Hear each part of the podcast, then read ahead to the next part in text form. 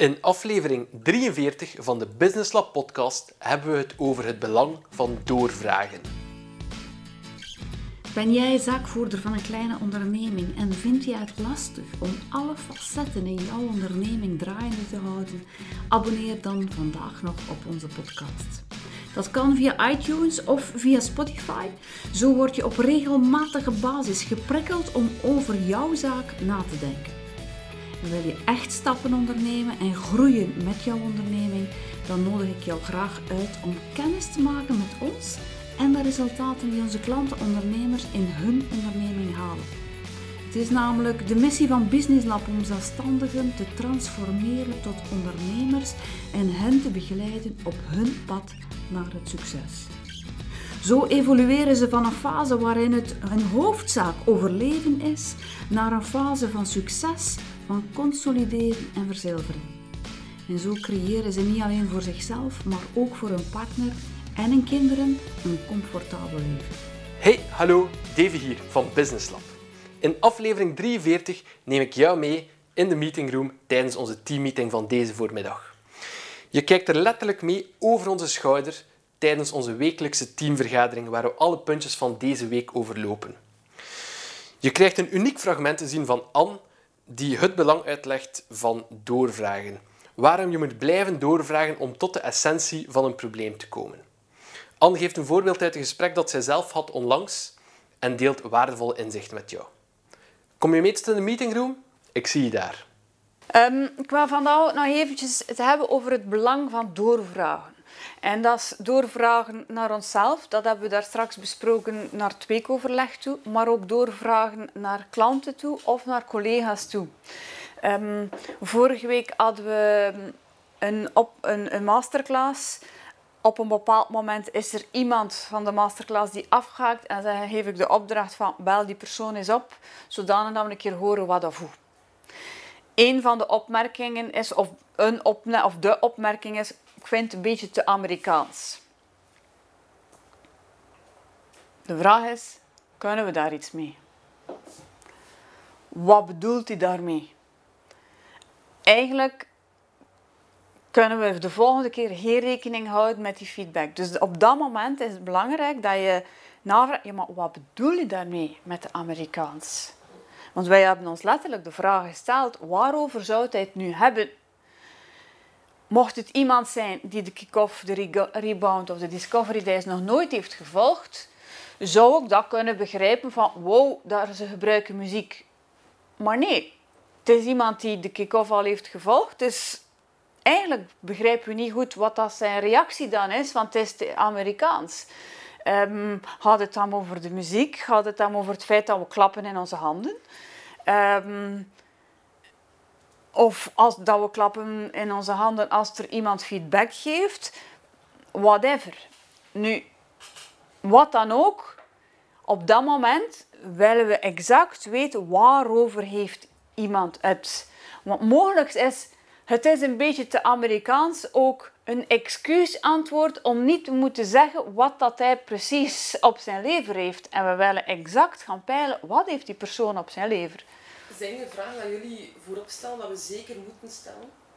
Bepaalde dingen waar je echt dat, dat we bijna een go-to vraag stellen van als zoiets gebeurt? Of gewoon aanvullen wat dat Ik denk dat een, een, een, vraag waar dat je nooit kunt mee missen is gewoon een verduidelijking vragen, zoals Anne zegt en wat bedoel je daarmee? Of nog anders, wat we in communicatietermen backtracken noemen. Ja. Ja, te Amerikaans. Ja. ja, maar het is gewoon, ze zeggen, ah, maar ik vind dat wat te Amerikaans. Te Amerikaans. Vraagteken. Ja. Je herhaalt eigenlijk gewoon het woord of de zin dat de ander heeft gezegd en dan zwijg je. En automatisch gaat een ander gaan verduidelijken, zonder dat je de vraag stelt, en wat bedoel je daar eigenlijk mee?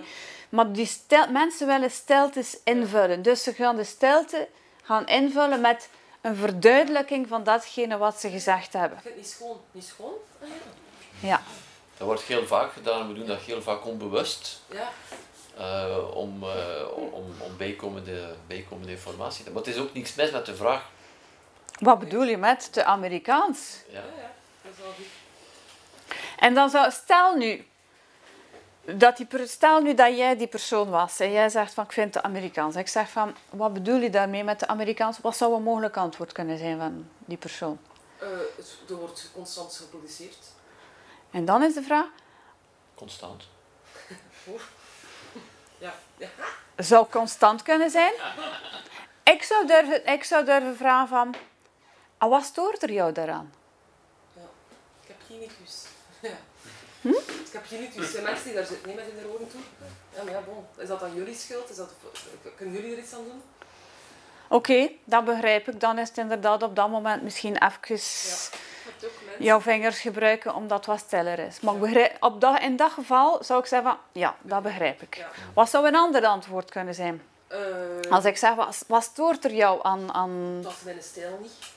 Of eh, ja, dat ik de dag zelf moet beslissen voor een verkoop of zo, allee, dat ultieme aanbod of zo. Dat Ja, maar dat, heeft er, dat, dat, was nu niet aan de orde hier in dit geval. Het gaat dan over... Ja. Wat, dat klap, wat, wat, wat stoort er jou aan dat klappen? Dat is eh, opgelegd enthousiasme, bijvoorbeeld. Heeft er jou ooit iemand verplicht om te klappen? Nee. In mijn geval wel. Maar je kunt ook bijna naar constant, hè. En dan Ja. constant. Constant. Ja, ja. Maar ja, ja. Maar ja, en, begin en het einde. Ja, uiteindelijk is dat maar... Mensen kunnen ook tot zelfinzicht komen. Ja, hè. ja. En dat is de bedoeling, hè? Uiteindelijk is maar... Ja, uiteindelijk is dat maar om, om, om de anderhalf uur, een keer twee, een keer twee minuten of een Ja. minuut. Uiteindelijk, ja, ja, ja, ja. ja, ja. Allee dan. Ja. En je moet niet meeklappen, hè. Ja, je gewoon zaal binnenwandelt, Mhm. uiteindelijk. Ehm, ja. En in welke mate belemmert dat klappen ehm, de kwaliteit van de training? Ik heb het niet gezegd, hè. Ehm, eh, het zijn vijf minuten die zouden kunnen gespendeerd zijn aan content. Ja, dat is waar. Maar zou dat niet kunnen zijn dat dat net eh, de valkuil is van heel veel ondernemers? Dat ze werken, werken, werken, werken, werken en nooit geen tijd pakken om een keer te genieten, om een keer stil te staan en te vieren wat dat er te vieren is. Work-life. Dus dat is eigenlijk constant gaan doorvragen. Nu, Ik verwacht niet van jullie dat jullie dat morgen... Ja, de manier waarop op alles een antwoord Ja, dat is echt. Ik heb geen op Nee, het punt is, ik heb nergens een antwoord. Ik heb op elke vraag een nieuwe vraag. Wat denk je zelf? En dat is, dat is kwestie van doorvragen, doorvragen, doorvragen. Totdat ze... Ze worden eigenlijk voortdurend geconfronteerd met datgene wat ze zelf zeggen. Ik moet wel zeggen, jullie, ehm, jullie doen uitermate jullie best zodat wij de filosofie volledig snappen, maar het blijft wel wij die jullie filo- filosofie snappen, terwijl het jullie filo- filosofie is.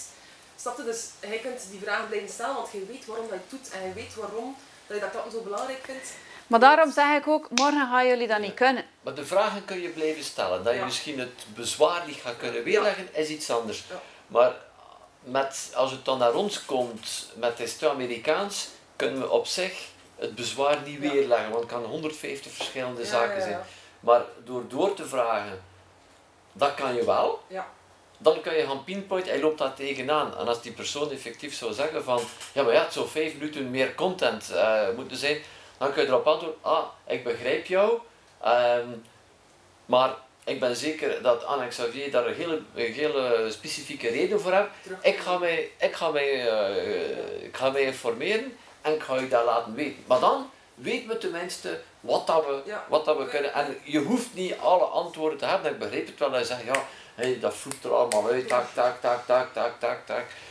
Ja, We zijn ook eh al kring- acht jaar bezig. Hè. Mhm. Acht jaar. ja, en we zijn ook met z'n tweeën, dus als het een niet ziet, de ander het ziet allemaal, dan. En, dus ay, dat kun je ook niet verwachten. Maar het doorvragen, zodanig dat we het, het probleem, om het zo Ja. te zeggen, omkaderd hebben, om dan met een antwoord te komen. Het is niemand die van jou vraagt, of ook die klant niet, van direct een antwoord Ja. eh, te hebben. Want een, een belangrijk aspect, daar wil ik misschien ook nog iets over vertellen, is, ga je niet gaan verantwoorden. Bedoel, het, het, ik- het systeem is zo... eh, ja, maar ja, maar ja, maar ja... eh, Nee, niet? nee, nee, het is... eh, en, En heel vaak, Zeker bijvoorbeeld ook na die driedaagse training. De pauzes zijn kort. Mensen vertellen dat en passant. Ja, ja, die pauze. Anna en Xavier zullen daar wel een reden in toe hebben. Vertrouw, vertrouw erop. Ze, doen, ze hebben het al meer dan 35 keer gegeven. Their first rodeo. Ja. Hey, hallo, Davy van Business Lab hier terug. Hopelijk heb je enkele interessante inzichten opgedaan tijdens dit fragment van Anne. Als je fan bent van deze stijl van ondernemen, van teaching en van een bedrijf te runnen, aarzel dan niet om verder live met ons kennis te maken. Via deze weg wil ik jou graag uitnodigen voor een exclusief webinar dat deze donderdag live wordt gegeven door Xavier. Het webinar gaat over de vijf redenen waarom jij als ondernemer je harde werk niet terugziet op je bankrekening. Het enige wat je moet doen om erbij te zijn, is, te gaan naar businesslab.be webinar. Je laat je gegevens daarachter en je krijgt zo meteen een link met alle uitleg en informatie over het webinar. Het enige dus wat je hoeft te doen is gaan naar businesslab.be webinar. Laat je gegevens daarachter en ik zie jou binnenkort op het webinar. Tot dan. Dag.